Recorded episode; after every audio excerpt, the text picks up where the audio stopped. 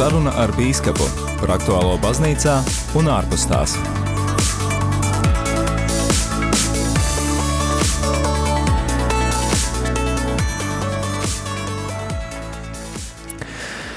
Esi sveicināts klausītāji, arī skatītāji, kas mūs šajā brīdī vērojat YouTube kanālā Radio Marija Latvija tiešraides un arī Radio Marija Latvija Facebook lapā kā Allaš mēneša. Pirmajā otrdienā ir laiks tikties ar bīskapu, lai pārunātu baznīcā, pasaulē un arī pie mums Latvijā aktuālo. Pie studijas pults šajā pievakarē es Māris Veliks un priecājos, ka varu sveikt arī šeit eh, man līdzās arhibīskapu metropolītu Zbigņevu Stankēviču, lai ir slavēts Jēzus Kristus. Mūžīgi mūžos amen. Ir ļoti daudz aktualitāšu, kam varētu pieskarties šajā raidījumā, redzēsim, cik laiks mums to atļaus izdarīt, bet gan tādas tēmas kā civilās savienības likuma projekts, protams, arī karš Ukrainā, epidemioloģisko drošības pasākumu atcelšana un citi jautājumi, bet klausītāji atgādinu arī, ka tev ir iespēja iesaistīties jautājumā un uzdot tevi interesējošo jautājumu. Klausītāji, tev ir priekšroka šajā raidījumā, tādēļ nekavējies un droši iesaisties vai nu rakstot īziņas un WhatsApp ziņas uz numuru 266 77 272 vai arī zvani mūsu studijus 679 69 131. Savu jautājumu vai komentāru arī droši var atstāt kā komentāru mūsu Facebook lapā Radio Marija Latvija pie video straumes. Bet eh, vispirms eh, sāksim, ekscelence, ar jautājumu par bīskapu konferenci, kas notika tieši pirms nedēļas. Kas tad bija tās tēmas, kuras ar brāļiem bīskapiem pārunājāt? Nu, mums parasti ir ļoti, ļoti plaša tā programma, daudz plāna punktu.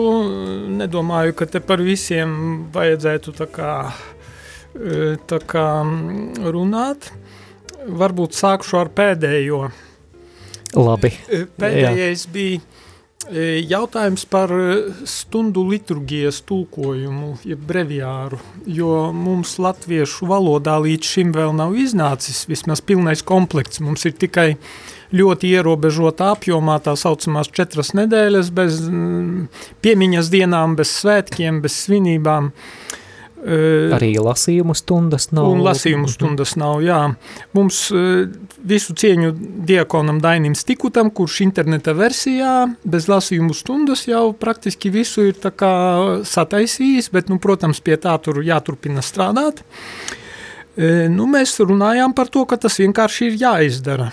Un mums jau bija tā kā darba grupa līdz šim, bet nu, kaut kā tie darbi īsti negāja tā pārāk uz priekšu, un to lietu vajag restartēt. Esmu apņēmies, ka ķeršos klāt un cenšos, kā man patīk tas vārds, neoloģisms dinamizēt.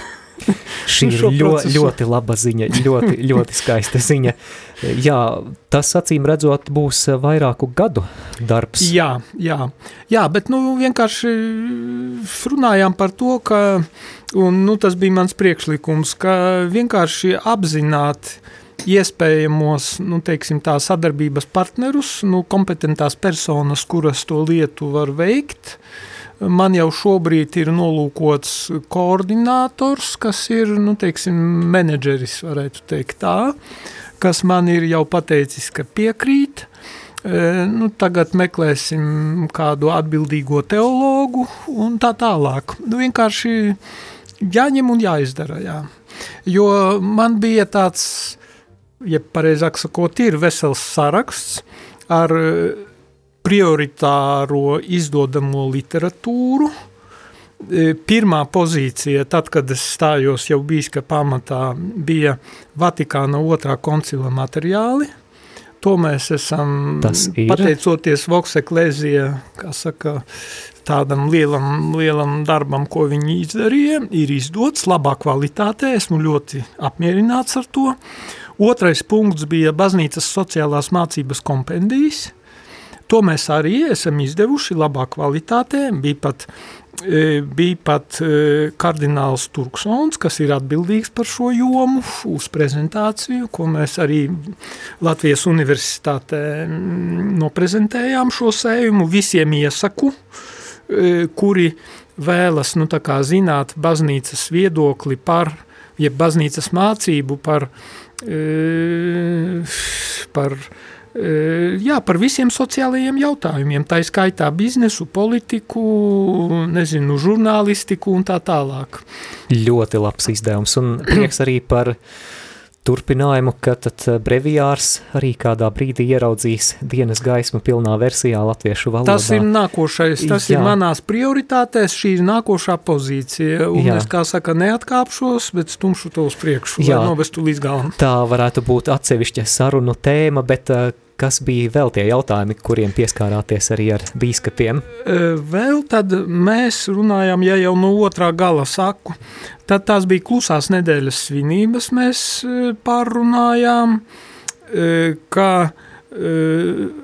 faktiski tas jau saskarās arī ar trešo jautājumu, ko jūs man te sarakstā ies, iesniedzāt uz šodienu ar epidemioloģisko drošības pasākumu atcelšanu. Jā, atgādināsim Pat, klausītājiem, ka jā, no 1. Pareiz, aprīļa tad, tad es atgādināšu. Jā, mm. ka no 1. aprīļa faktiski visi ierobežojumi, kas attiecas uz baznīcu, ir atcelti un paliek tikai uh, tikai, e, tā ir mūsu iekšējā lieta, kā mēs, e, kā mēs nosakām kaut kādus ierobežojumus. Ierobežojumi ir palikuši tikai, ka medicīniskās maskas vai respiratori jālieto ārstniecības iestādēs, sociālās aprūpes iestādēs un sabiedriskajā transportā. Bet baznīcās Nu, var teikt, jā, ka ir ieteikums, teiksim, ka, nu, kā saka, distanci kaut kādu mm. censties ievērot, bet vienkārši obligāto nosacījumu, noteikumu, ierobežojumu vairs nav.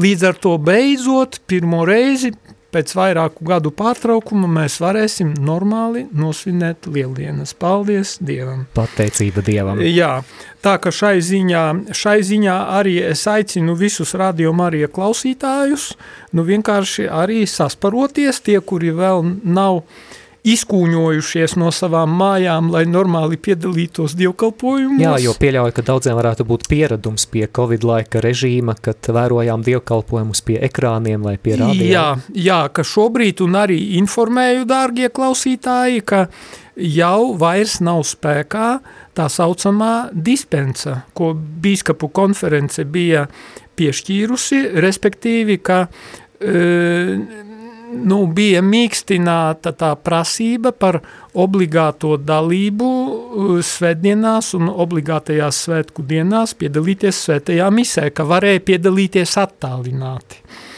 Tad šodien vairs šī atlaide, kā saka, nav. Ka katram ir pienākums piedalīties svētdienās un uh, obligāti svinamajās svētku dienās svētajā misē, Un attaisnojums var būt tikai slimība vai, nu, ka fiziski nav iespējams, nu, nu kaut kas tāds, bet, bet kā normu to mēs vairs, kā saka, nu, nu vairs nav šī, šīs iespējas. Jā, pirmais eh, jautājums mūsu šajā raidījumā ir saistīts ar bīskapu konferenci, kas norisinājās pirms nedēļas. Ekscelence, vai vēl kas būtu piebilstams par šo tēmu? Vēl, uh, Nu, mums atskaitījās par jauniešu darbu, mūsu da, jauniešu darba koordinātore Anda kopā ar priesteri Pēteri. Mēs izskatījām jauniešu darba organizāciju, novērtējām ļoti labi koordinātores darbu, jo viņa gadu jau strādā. Tālāk mēs pieņēmām, uzklausījām arī Radio Marija atskaiti, ko priesteris Pēteris e, Skudra, Radio Marija direktors mums sniedza, arī bijām gandarīti. Tur, kā saka, viss ir caurspīdīgi, viņš arī finanšu plūsmu mums atrādīja un priecājamies par to, ka beidzot ziedojumi ir sākuši daudz maz noklāt uh, noklāt izdevumus. Jo, Jā, paldies klausītājiem. paldies klausītājiem, patiešām tā ir jūsu atsaucība, ka Radio Marija beidzot nu, sāk nostāties uz kājām, un pateicoties jūsu atbalstam, mums vairs nav jāubago no e, vispasaules Radio Marija ģimenes e, pabalsti, lai mēs varētu turpināt darbību. Un Radio Marija arī ir dabūjusi jaunas frekvences un iesniegusi pieteikumus uz konkursiem Daugopilī un Rēzeknē šķiet. Jā, šeit vēl vajadzīga lūkšana no klausītāju puses. Jā, bet Radio Marija attīstās un nu, par to man ir liels prieks, jo Radio Marija bija viens no maniem sapņiem, kurš ir piepildījies. Vēl ne par simt procentiem, jo simts procenti tas ir Radio Marija, kurš skan katrā mājā, katrā sāģā, katrā pilsētā, respektīvi, kurš noklāja visu Latvijas teritoriju. Āmen, lai tas ir pravietojums, kas bet, piepildās. Bet, nu, bet, nu, jūs esat uz laba ceļa un jūs ejat labā tempā, jā, tas ir, par to es priecājos. E, tā, tā ka bija Radio Marija, tad mēs runājām par to, ka konsolidējam Rīgas augstāko reliģijas zinātņu institūtu ar Rīgas teoloģijas institūtu. Mēs konsolidējam, pieņemam lēmumu, ka konsolidējam telpas, kā bija institūti būs vienā ēkā, e, darbosies un informēju arī klausītājus, ka ar jauno mācību gadu e, varēs teoloģiju studēt arī lai, ne tikai kandidāti uz priesterību. Aha. Tas ir, -hmm. tas, ir mūsu, nu, Jā. tas ir mūsu plāns, tur vēl nav viss gatavs, bet mēs ceram uz 1. septembri to visu -hmm. dabūt gatavu, ka visi gribētāji varēs studēt pilna laika klātienē bakalaura programmā e, teoloģijas bakalaura programmā, nu un Rārzi turpina kā līdz šim, e, nepilna laika klātienē. Arī e, esat aicināti, tie, kas nav beiguši rarzi, ļoti nopietni domāt par to, lai nāktu studēt, lai padziļinātu savu ticību e, un e, zināšanas tieši garīg, garīgo jautājumu jomā. Jā, šī varētu būt ļoti laba motivācija, jā, teoloģijas e, diploms, vai tas nozīmē arī, ka Rīgas garīgā semināra audzēkņi tad studēs eh, lekcijās kopā ar kopā, Rarzi jā, studentiem. Kopā. Mm -hmm. Nē, ne ar Rarzi, ne. ne ar Rarzi, jā. Jo Rarzi saglabājas tā kā ir. Nepilna laika klātiene, piekdienas vakaros un sestdienās. Jā. Mhm. Bet tā bakalaura programma, tā jau ir cita, tā ir pilna laika klātiene. Tas ir mm. piecas darba dienas no rīta līdz nu, pēcpusdienai, tur ir tās lekcijas. Jā. Respektīvi, semināristi kopā ar bakalaura programmu būs. Skaidrs. No malas tā, ka šis būtu e, jautājums, ko mēs nu, skatījāmies. Tad mums atskaitījās priesteris Dmitrijs Artjomovs, kurš piedalījās simpozijā par priesterību un aicinājumiem Romā. Mēs viņu deleģējām no mūsu bīskapu konferences. E, un tas bija arī ļoti interesants, jo tur bija, nu, tur bija tāda nopietna refleksija, pārdomas par to, e, nu, kas ir vajadzīgs, lai tos aicinājumus rosinātu, lai viņus attīstītu. Jo e, pie mums, diemžēl, Latvijā arī ir aicinājumu krīze attiecībā uz priesterību.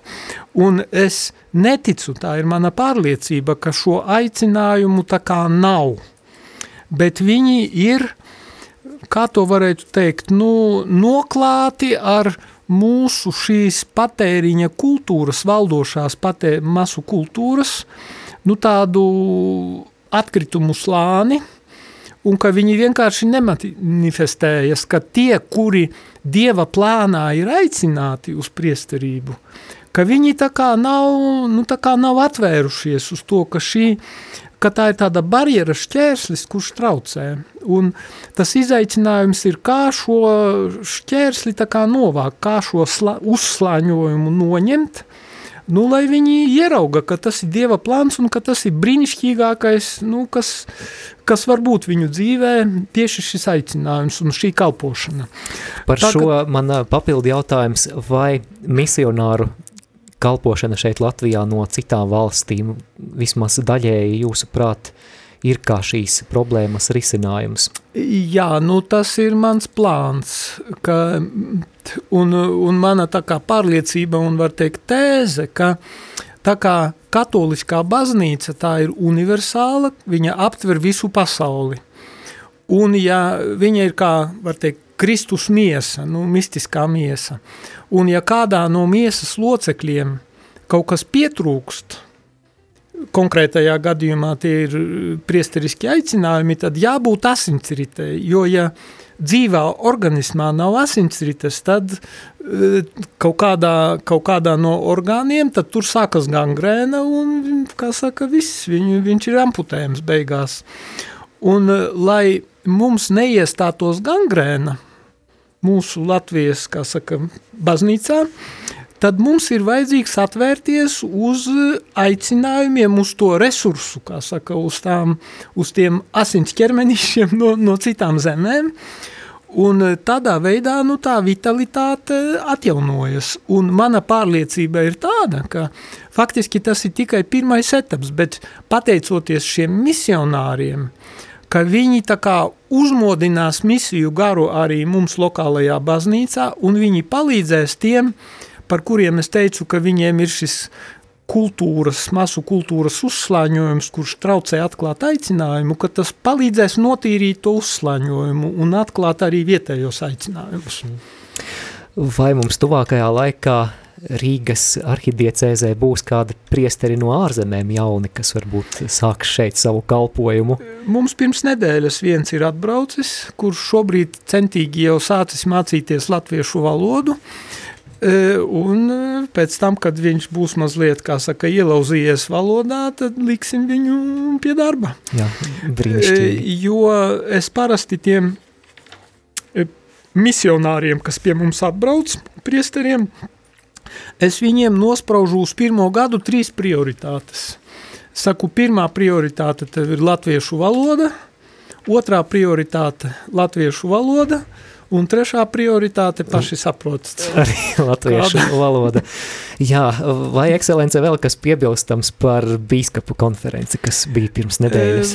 Vēl mēs runājām arī par jauktajām laulībām, respektīvi ar citu konfesiju kristiešiem un konkrēti mhm. ar mūsu Nu, tad, tagad es jau te pieskaršos vienam citam jautājumam, kad mums bija uh, E, katoļu bīskapu konferences sa, pilnā sastāvā tikās ar e, Lelba, jeb luterāņu e, Latvijas evaņģēliski luteriskās baznīcas bīskapu kolēģi. Jā, mēs, 3. martā jākapelī. Jā, un mhm. tur mēs ļoti plaši faktiski mēs spriedām e, par jaukto laulību jautājumu, jo e, nu, no vienas puses ir tā, ka ar bīskapu no katoļu puses, ka, mm, ka faktiski katoļiem ir stingri ieteikts stāties laulībā tikai ar savas konfesijas pārstāvi, bet ja viņš grib stāties ar citas konfesijas pārstāvi vai citas reliģijas pārstāvi vai, vai neticīgo vienkārši, kurš nav nevienā konfesijā, tad to var darīt tikai ar īpašu bīskapa atļauju kurš izvērtē, nu kā tur ir, lai nav, saka, apdraudējums. Jā, līdz šim tā, tā ir bijusi ļoti regulāra prakse, bet vai kas eh, mainīsies? Jā, jā bet eh, tas izaicinājums ir tāds, ka eh, tad, ja teiksim, no ar brāļiem luterāņiem mēs to spriedām, tad, kad ir viens luterānis, otrs katolis, un, piemēram, luterānis uzstāja, ka viņš grib laulāties luterāņu baznīcā.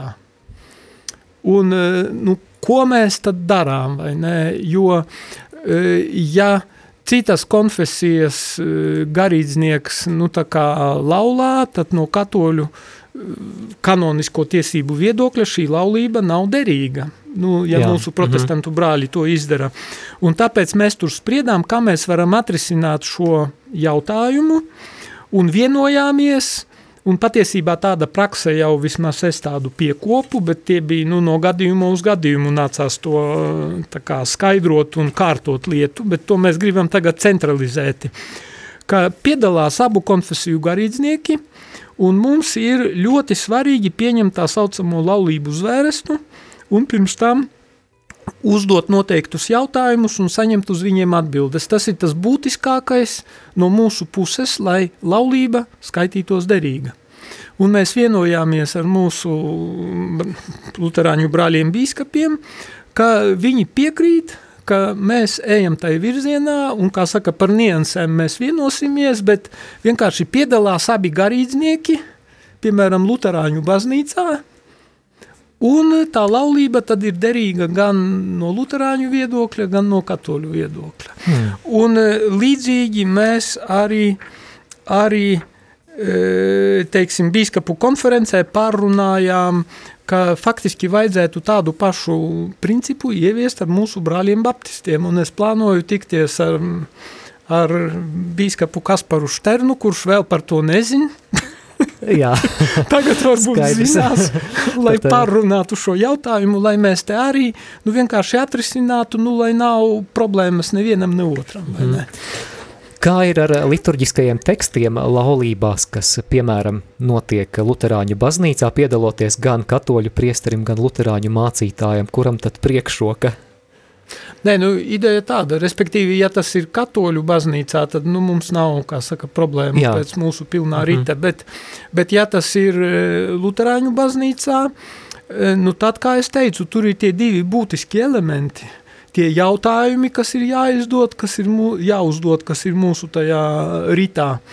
Un e, tā laulības zvērsta pieņemšana, un pārējais var būt pēc luterāņu, kā saka, liturgijas, vai ne? Jā.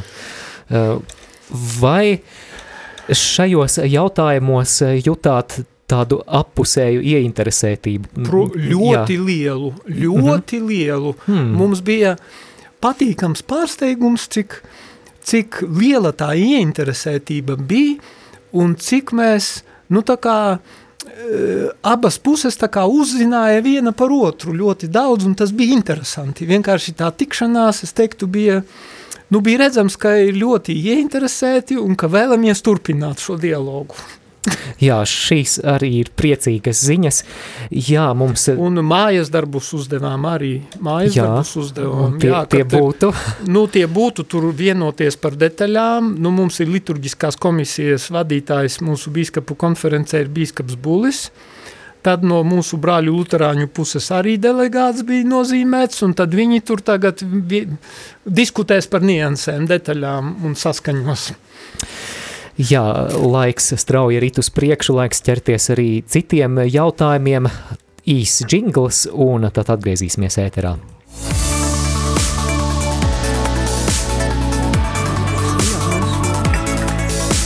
Saruna ar bīskapu par aktuālo baznīcā un ārpus tās.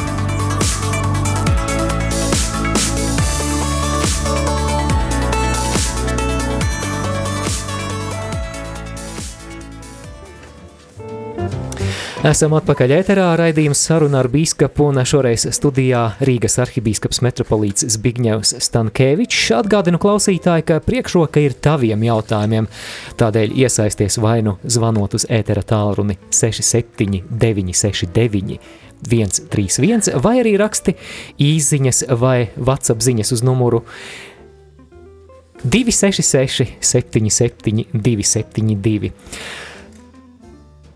Saima 4. 31. martā pirmajā lasījumā konceptuāli atbalstīja civilās savienības likuma projektu. Un saskaņā ar to ir plānots noteikt, ka civilā savienība ir divu fiziski pilngadīgu personu notariāli noslēgta vienošanās.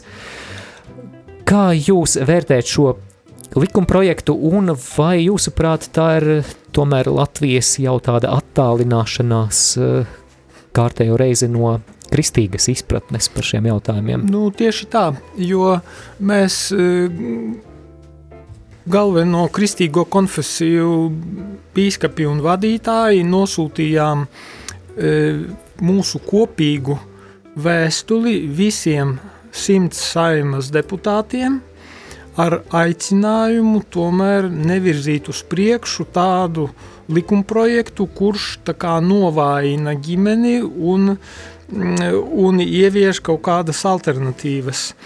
Jo saskaņā ar baznīcas, baznīcas mācību jau pieminētais pieminētais baznīcas sociālās mācības kompendijas nu, ļoti detalizēti visu izgaismo, ka tur vispār nekādi jautājumi nepaliek. Bet pirms ķerties pie kompendija, tad gribēju nocitēt vienu ļoti īsu tekstu no Amoris Leticija par mīlestības līksmi.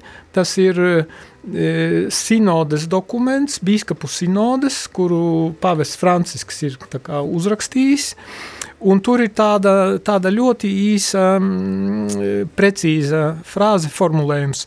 Iespējams, vislielākā vīrieša un sievietes misija mīlestībā ir savstarpēji palīdzot kļūt par patiesāku vīrieti un patiesāku sievieti, palīdzēt otram augt un veidoties savā īstajā identitātē.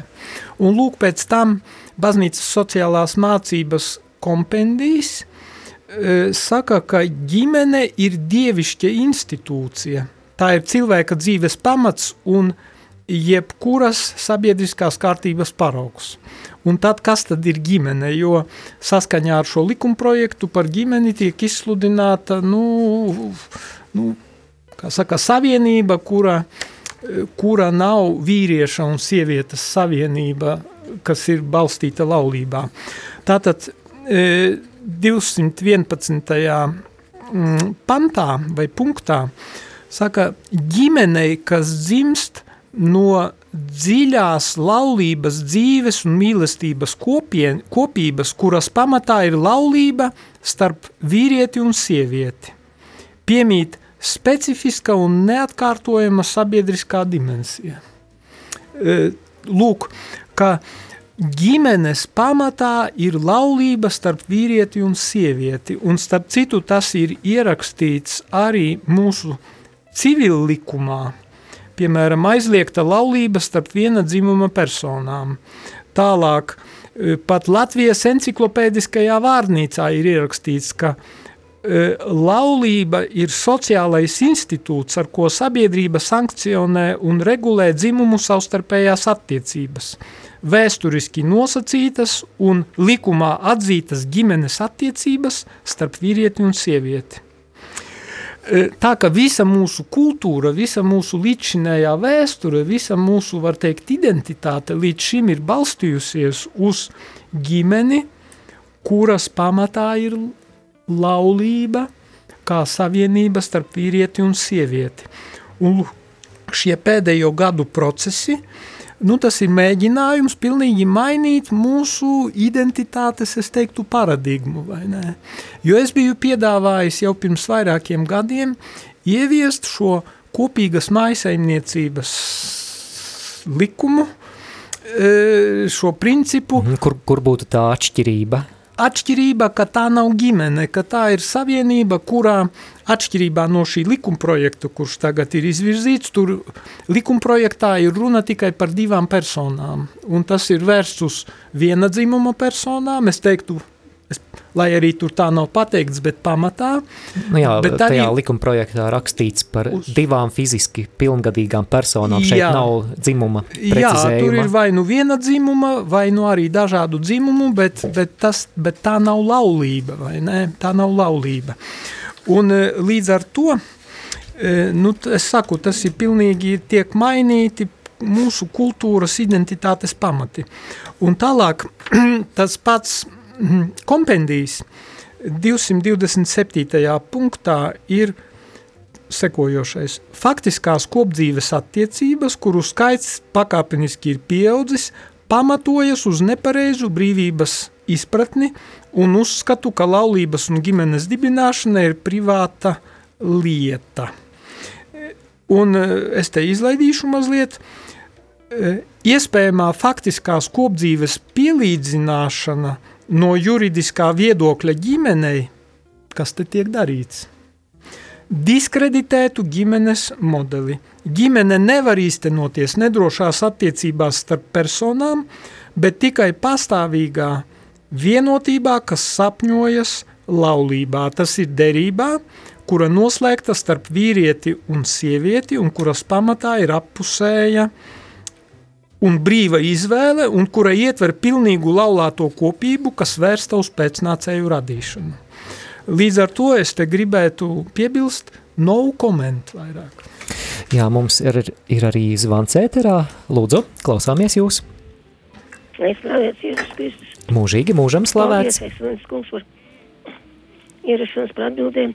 Man būtu jautājums tāds, es esmu no Latgales, no Brēļa puses, no 15 gadu vecuma jau pārbraucu, kā saka, te uz to, šito, uz čūļiju, kā sauc.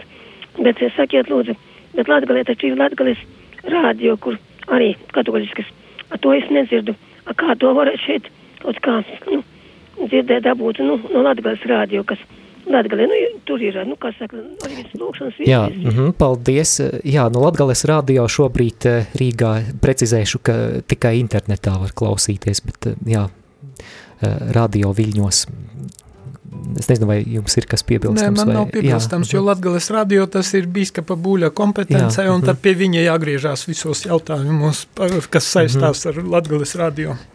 Jā, tomēr, ekscelences, vēl mazliet gribētu atgriezties pie šī jautājuma par civilās savienības likuma projektu. Es vienkārši iedomājos, ka starp klausītājiem kādam varbūt varētu rasties pretarguments, nu, ka patiesībā jau šis likuma projekts nerunā par laulību, jo lau, kāds varētu pat atsaukties uz satversmi, ka laulība mums arī satversmē nostiprināta kā esoša starp vīrieti un sievieti, un ka šeit ir runa par kaut ko citu, vai ko kā jūs tad Jā, bet tur ir tāda ļoti smalka, es teiktu, manipulācija, jo tur tiek runāts par ģimeni. Skaidri un gaiši, ka, ka lūk, pāru attiecības, kas nav gan, gan viena dzimuma, gan dažādu dzimumu, kas vienkārši dzīvo kopā, ka tā jau ir ģimene. Mhm. Un lūk, šeit es teiktu, tā ir tā bīstamība, jo tas ģimenes koncepts tiek paplašināts un izšķīdināts, bet e, nācijas, var teikt, e, pastāvēšana ilgtermiņā, nācijas izdzīvošana ilgtermiņā ir atkarīga no ģimenes stabilitātes, no ģimenes, eh, no šī ģimenes koncepta, jo Dieva plānā ģimene ir uz laulību balstīta institūcija, un vienkārši, ja mēs ejam pret Dieva plānu, ja mēs iestādām savus principus un, eh, un savas robežas nospraužam, uh, tad nu, jārēķinās ar sekām, ka tas nenesīs svētību Latvijai ilgtermiņā, nenesīs svētību tiem cilvēkiem, kuri tā, kā saka, dara. Un, nu, jā. Mhm. Tāpēc es saku, te vienkārši Jā. man nav komentāru. Tā ir, nu, tā ir izvēle. Mēs esam izvēles priekšā. Mans pienākums ir pateikt, kāds ir Dieva plāns, kāda ir Dieva griba, un, un tam ir kā saka, apstiprinājums un pamats arī, nezinu, socioloģiskajos pētījumos, tam ir pamats mm, vienkārši veselajā saprātā, kas nav ar ideoloģiju saindēts, jā. jā. Nu, viss, nu, nu, mēs varam tikai pateikt, kā, jā, pateikt, kāda, kāda dieva griba pausta bazn caur baznīcas mācību, un nu, tālākais jau ir cilvēku pašu atbildība un arī politiķu pašu atbildība, vai ne? Turpinās arī Latvijas vīru biedrības eh, iniciētā parakstu vākšanas iniciatīva par, eh, par šo ģimenes jēdziena nostiprināšanu satversmē vai aicināt radio Marija klausītājus parakstīties? Es aicinu parakstīties, jā, es esmu pats parakstījies, un es aicinu parakstīties, jo aicinu darīt ikvienu visu iespējamo, lai tomēr nosargātu šo ģimenes jēdzienu, lai nostiprinātu ģimenes jēdzienu un tā robežas Latvijā, nu, lai mēs nezāģējam zarus, kura paši sēžam, ne?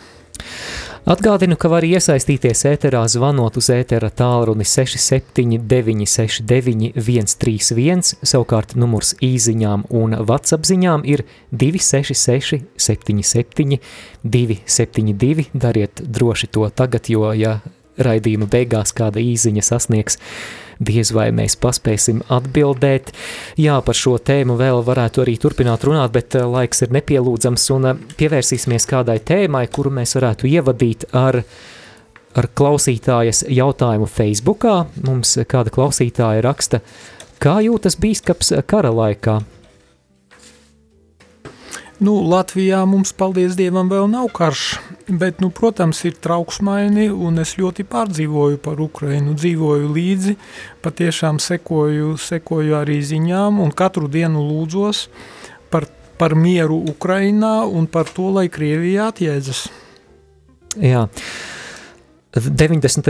gados eh, amerikāņu politologs Samuels Huntingtons eh, piedāvāja tādu civilizācijas sadursmes ideju un apgalvoja, ka nākotnes politiskie konflikti būšot drīzāk konflikti nevis starp konkrētām valstīm, bet starp civilizācijām un kultūrām.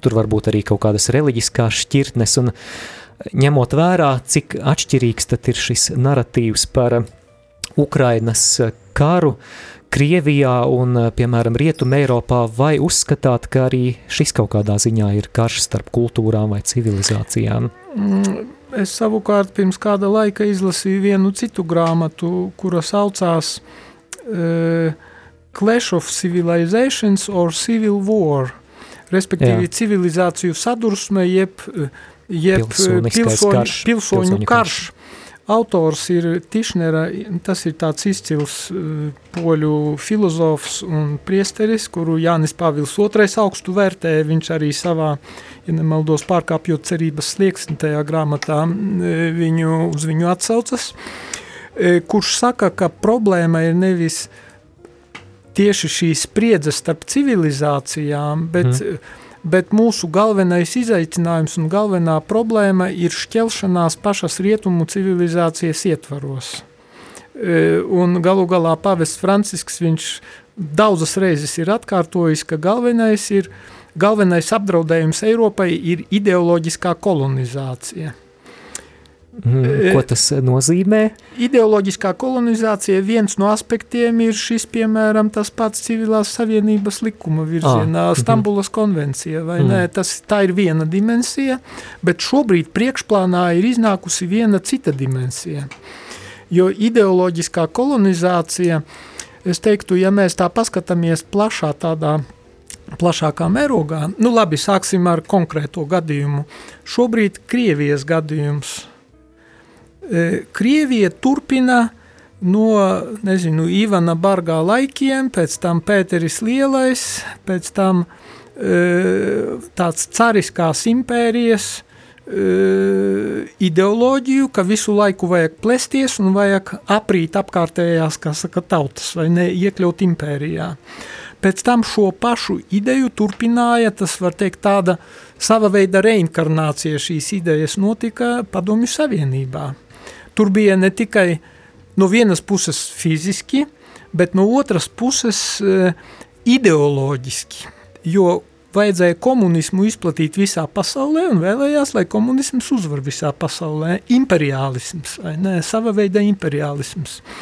Un Krievija, tad, kad Padomju Savienība sabruka, sākumā bija vāja, nu tā kā nekas tur nenotika, bet pēdējo 20 gadu laikā tur ir atzimusi šī jaunā veidā ideoloģija par Krievu pasauli, par to, ka vajag integrēt visas pārējās slāvu tautas zem, kā saka, Krievijas karoga, un, nu, faktiski tāds neoimperiālisms, un tā vārdā tad tiek attaisnoti cilvēku upuri slaktiņi, jo ja kāds nepakļaujās, nu tad mums ir tiesības viņu, viņu pat iznīcināt.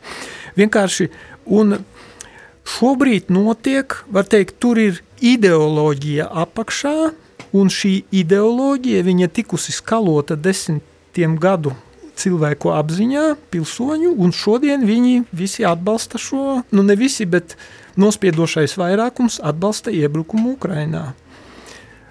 Kolonizācija, bet tagad es gribu mazliet plašākos ūdeņos aiziet. Tas nav tikai Krievijas gadījums. Šobrīd Krievijas gadījums, protams, viņš ir ļoti brutāls un ļoti sāsinājies. Bet, ja mēs paskatāmies pagājušajā gadsimtā, vai vēl mazliet agrāk, imperiālisms jau piemita visām lielvalstīm – lielajām valstīm. Nu, bija Britu impērija, bija Franči tur taisīja savu, vācieši vēlējās savu kundzību atkal uzspiest, eh, Amerikas Savienotās valstis, kā saka, un tā tālāk. Lielvalstis, respektīvi, kur ir tā, tā ideoloģija, var teikt, nākošais slānis, ka lielvalstis uzskatīja, ka viņām ir tiesības uz savu ietekmes zonu. Un pēc otrā pasaules kara, nu, nu ko pasaule tika sadalīta ietekmes zonās. Un ja kāda no ietekmes zonas mazajām valstiņām mēģina iet savu neatkarīgu, saka, kursu, ceļu, viņa tiek vienkārši sabombardēta, tiek iesūtīti, nezinu, karaspēks un tā tālāk. Vienkārši šis, šī imperiālisma ideoloģija, viņa dzīvo arī šodien. Diemžēl mēs redzam lielvalstīs. Viņa, arī rietumu pasaulē. Jā, viņa ir tikai smalkāka, bet viņa ir dzīva.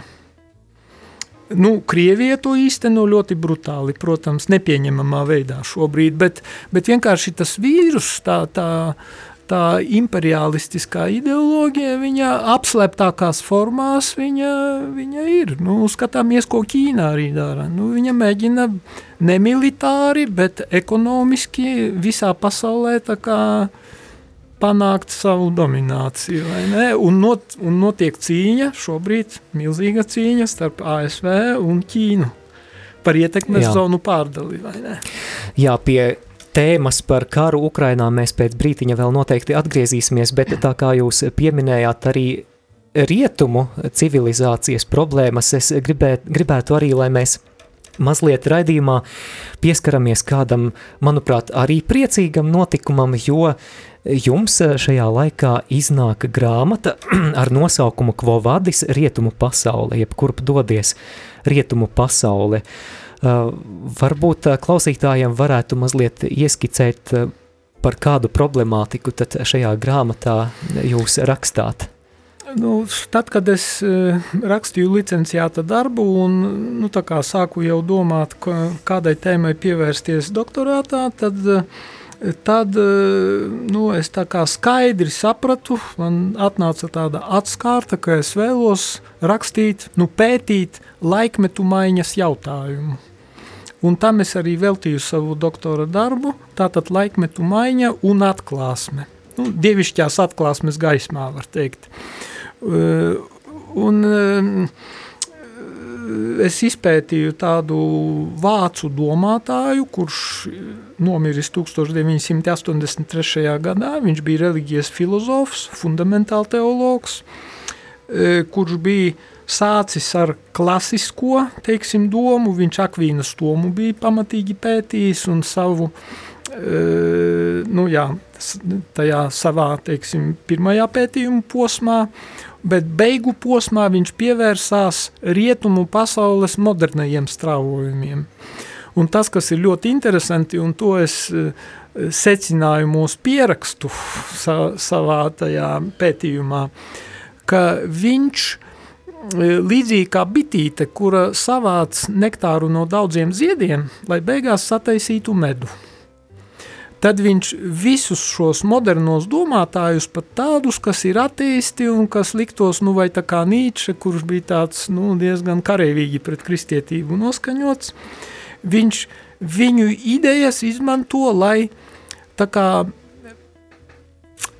sludinātu evaņģēliju modernajam cilvēkam viņam saprotamā valodā, lai tā kā atklātu to, ka reliģija mūsdienās nav kaut kas pagājis, kas vairs ir nevajadzīgs, bet lai parādītu, ka līdzīgi kā svētais Pāvils teica atēniešiem, ka viņā mēs kustamies un esam, ka viņš nav tālu no ikviena no mums, un faktiski to es arī cenšos tā kā, tā kā parādīt, tad, kad stājos dialogā ar neticīgiem cilvēkiem, ka Dieva gars darbojas arī tavā sirdī, un ka tie impulsi, kas tev nāk, uh, lai tevi tā kā pastumtu darīt labu un, un pretī patiesībai, ka tā, tā ir Dieva gara darbība tavā sirdī.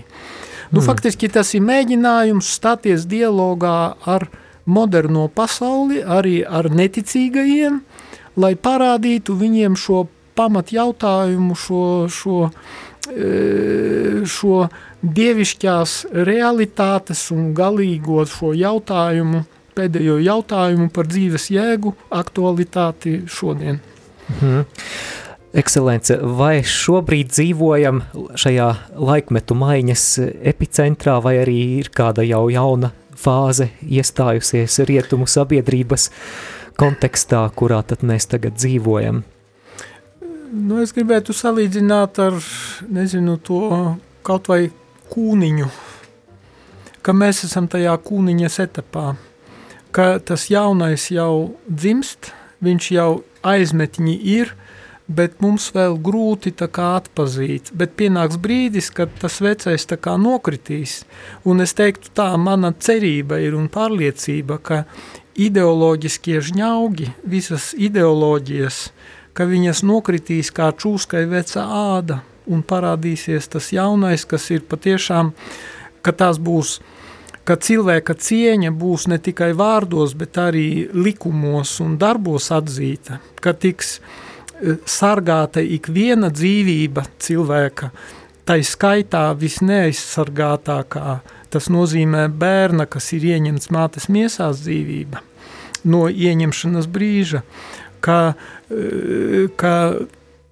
kā saka, nokļūs līdz atziņai, ka surrogāt māte, ka tas ir kaut kas pilnīgi, es teiktu, amorāls, ka, ka bērnam, ka lūk, bērnam ir tiesības tikt ieņemtam divu mīlošu vecāku mīlestības aktā un uzaugt ģimenē, kurā ir tēvs un māte. Tās ir viņa tiesības. Un, un par to ir jāuzņemas atbildība. Un lūk, visa tā tāda, nu, pilnīgi brīvā, kā saka, brīvā, brīvā seksuālā, kā saka, tie visi kontakti, ka tas, ka tad, kad tiek atrauc no, no īstas mīlestības, no atbildīgas mīlestības un no atvērtības uz dzīvības tālāk nodošanu, ka tas ir destruktīvi un kas, ka tas sagrauj cilvēku. Lūk, šitās lietas – Un tālāk, protams, tas, ko mēs redzam šobrīd ar to Krievijas uzbrukumu Ukrainā, ka valstu tiesības izvēlēties savu attīstības ceļu, neatkarīgi no tā, vai tu esi liela valsts, vai tu esi maza, pati mazākā, ka tev tās ir tiesības, ka tās ir neizskaramas, un kaimiņi, lielajam kaimiņam nav tiesību iejaukties un mēģināt dominēt un pakļaut. Lūk, tās ir tās visas lietas, kuras pamazām cilvēce tā kā caur sāpēm, caur kļūdām mācās un pamazām sāk atklāt šīs lietas. Un es ceru, ka tajā jaunajā laikmetā, ka būs autentiskas vērtības pamatā, bet nevis pseidovērtības, kuras cilvēks pats ir izdomājis. Jo autentiskās tās ir tās, kuras Dievs ir atklājis un kuras ir ierakstītas mūsu cilvēciskajā dabā, kur, kuras ir dabiskais likums tā saucamais, kurš šobrīd tiek bradāts kājām un tiek mēģināts iestāstīt, ka, ka tas nav. Hmm, man patīk jūsu optimistiskais skatījums uz nākotni, bet ekscelence, vai grāmatu, ko vadis rietumu pasaule, varēs atrast arī grāmatnīcās? Nu, izdevniecība zinātne ir nodrukājusi zināmu skaitu, nu, laikam jau laidīs grāmatnīcās, jo man teica, ka tos, tos 500 eksemplārus, kas tur paliek izdevniecībā, ka, ka viņi laidīs pārdošanā. Tad es ceru, ka būs. Un es domāju, nu tā kā grāmata tomēr ir gatava, makets gatavs, ja izpirks un būs pieprasījums, gan jau, ka viņi nodrukās vēl.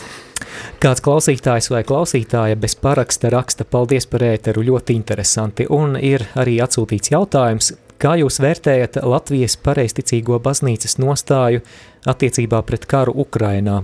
Kā jūs redzat tās nākotni attiecībā ar Krievijas pareisticīgo baznīcu? Nu, es domāju, ka tur ir sarežģīti tas viss. Bet nu, mēs kopā bijām pie valsts prezidenta pirms pāris nedēļām, un uh, tur uh,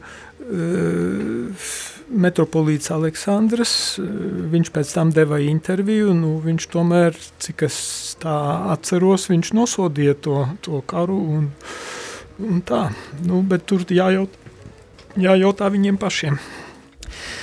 Jā, vai un kā katoļu baznīca Latvijā ir atbildējusi uz šo Ukrainas kara situāciju, vai ir kāda organizēta palīdzība bēgļiem, piemēram, no Ukrainas? Jau pašā pirmajā kara dienā es ieliku ierakstu, ierakstu uh, sociālās saziņas tīklā Facebook, kur es teicu tā, paužot līdzjūtību Ukrainas tautai šajā draudu neziņas un ciešanu brīdī, vēršos pie debesu tēvā ar lūgumu apturēt šī kara izraisītājus un kurinātājus, kuru rīcības ej postu un izmisumu. Dari, lai visi agresijā iesaistītie un ieinteresētie šī konflikta eskalācijā apzinās sava nodoma ļaunumu un beidzu savu tekstu ar vārdiem Dievs svētī Ukrainu. Tātad pirmkārt mēs lūdzamies par Ukrainu, mēs katru dienu lūdzamies, 12, pulksten 12. katru dienu skan baznīcu zvani, vismaz katoļu un luterāņu baznīcās, noteikti, nezinu kā citu konfesiju, aicinot uz brīdi apstāties un lūgties par mieru Ukrainā. Ukrainā un Latvijā, jo, protams, tas karš viņš te arī, kā saka, dzirksteles iemet Latvijā, vai ne, spriedzes. Tas būtu pirmais, ka tā ir lūkšana. Mums ir bijuši vairāki ekumeniskie dievkalpojumi, kurās, kuros mēs lūdzāmies par mieru Ukrainā. Mēs ņēmām dalību visās Latvijas diecēzēs bīskapi savās vai nu katedrālēs vai kādās, kā mēs Svētā Alberta baznīcā to izdarījām, jo mums katedrālē ir remonts e, un Alberta baznīca ir lielāka un brīva. E, mums bija speciāls dievkalpojums, svētā mise par mieru Ukrainā un kopā ar pāvestu Francisku vienā un tai pašā brīdī, vienotībā ar visas pasaules bīskapiem, veltījām Krieviju un Ukrainu un arī Latviju, es konkrēti to izdarīju, e, Jaunavas Marijas bezvainīgajai sirdī. Un es tajā dievkalpojumā skaidroju, kāpēc tas ir tā. Pirmkārt, tāpēc, ka Jaunava Marija 1917. gadā parādījās Fatimā, Portugālē, trim ganiņiem – un viņa pateica, ka jālūdzas īpaši par Krieviju, par tās atgriešanos. Ja Krievija neatgriezīsies, tad e, viņa izplatīs savus maldus pa visu pasauli un, un e, sāksies jauns karš, vēl asiņai nāks par iepriekšējo. Pirmais pasaules karš vēl nebija beidzies, kad viņa to teica, un nu, tā kā viņas aicinājums netika saklausīts, pēc tam bija otrais pasaules karš. Nu jā, un vēl viņa aicināja, ka vajag Krieviju veltīt viņas bezvainīgajai sirdī. Un to izdarīja tā kā vairākas reizes, bet nu tā kā tur tā prasība bija, ka pāvestam tas jāizdara vienotībā ar visas pasaules bīskapiem. Uh, Vairākas reizes tas tika darīts, un Jānis Pāvils II to 1984. gadā izdarīja. Tur gan visi biskupi ne, neiekļāvās, mm. bet pēc dažiem mēnešiem tika izvēlēts Gorbačovs par ģenerālsekretāru, sākās perestroika, padomju savienība sabruka.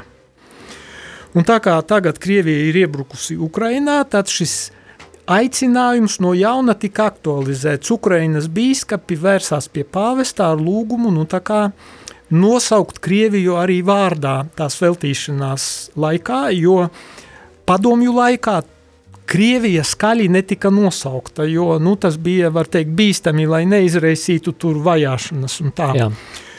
Un pavests Francisks to izdarīja jau vienotībā ar visas pasaules bīskapiem, nosaucot konkrēti Krieviju un Ukrainu vārdā.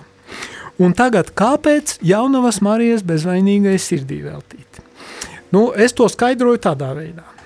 Atcaucoties uz e, kāzām Galilejas kānā, kas ir Jāņa evaņģēlijā aprakstīts, tad, kad pietrūka vīna, tais kāzās Jaunava Marija saka Jēzum, viņiem nav vīna – nu, respektīvi mudina viņu tā kā palīdzēt. Viņš atbild, kas tev un man sieviete? Nu, kā saka, nav, nav, nav mūsu daļa, ka mans laiks vēl nav pienācis. Un jaunava Marija, ziniet, pēc, es to saku tā, kā īsta mamma, nu tā, nu dēliņ labi, tu saki, ko gribi, bet tu darīsi vienalga tā kā mamma, es esmu tava mamma un tev ir jāpaklausa. Un viņa noignorē pilnīgi to viņa atteikumu un saka tam pārzinim, izdariet visu, ko viņš jums, viņš jums teiks. teiks jā. Un Jēzus izdara, var teikt, priekšlaicīgi apsteidzot savu laiku, viņš izdara brīnumu. Un kā es to skaidroju? Ka, lai arī Jēzus viņš ir Dieva dēls, un, protams, viņš nav pakļauts jaunavai Marijai. Viņa ir tikai cilvēks, viņa ir radība. Bet viņa ir viņa māte, un viņa mīl Jēzu, un Jēzus mīl viņu. Starp viņiem ir mīlestības saikne – un šīs mīlestības saiknes dēļ viņai ir kā mīlošai mātei, attiecībās ar mīlošu dēlu, viņai ir sava veida vara, bet nevis, kā saka, juridiskā vara, bet mīlestības vara, vai ne? Viņš nespēja viņai atteikt. Un lūk, šis ir tas mehānisms, ka līdzīgi kā arī pie krusta viņš teica Jānim, lūk tava māte – Marijai viņš saka par Jāni lūk tavs dēls. Katoliskā baznīca to interpretē šādi. Jānis pārstāv ikvienu kristieti, viņš pārstāv baznīcu. Jēzus uztic baznīcu savai mātei, un baznīca pie viņas griežas un saka, lūdzu, palīdzi mums šajā Krievijas, ar šo Krievijas problēmu, lai Krievija ne tikai vārdos, bet lai viņa patiesi atgriežas un lai viņa saskata patieso vērtību skalu, ka nedrīkst bradāt blakus esošo brāļu tautu, kā kains pret abelu iet, vai ne? Un, e, e, nu jā, Krieviju novēlēt viņas bezvainīgajai sirdī Ukrainu un arī es pieliku klāt Latviju, jo arī Latvijā mums ir vajadzīga garīga atzimšana. Jā, ir pienācis laiks arī šo raidījumu noslēgt. No sirds pateicos Rīgas arhibīskapam metropolītam Zbigņ metropolītam Zbigņevam Stankēvičam, un uh, klausītāji noteikti priecāsies arī par bīskapa svētību raidījuma noslēgumā.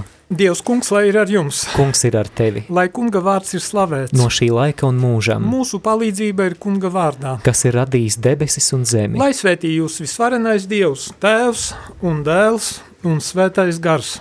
Āmen! Slavēsim kungu! Pateicība Dievam! Izskanēja raidījums Saruna ar Bīskapu par aktuālo baznīcā un ārpus tās.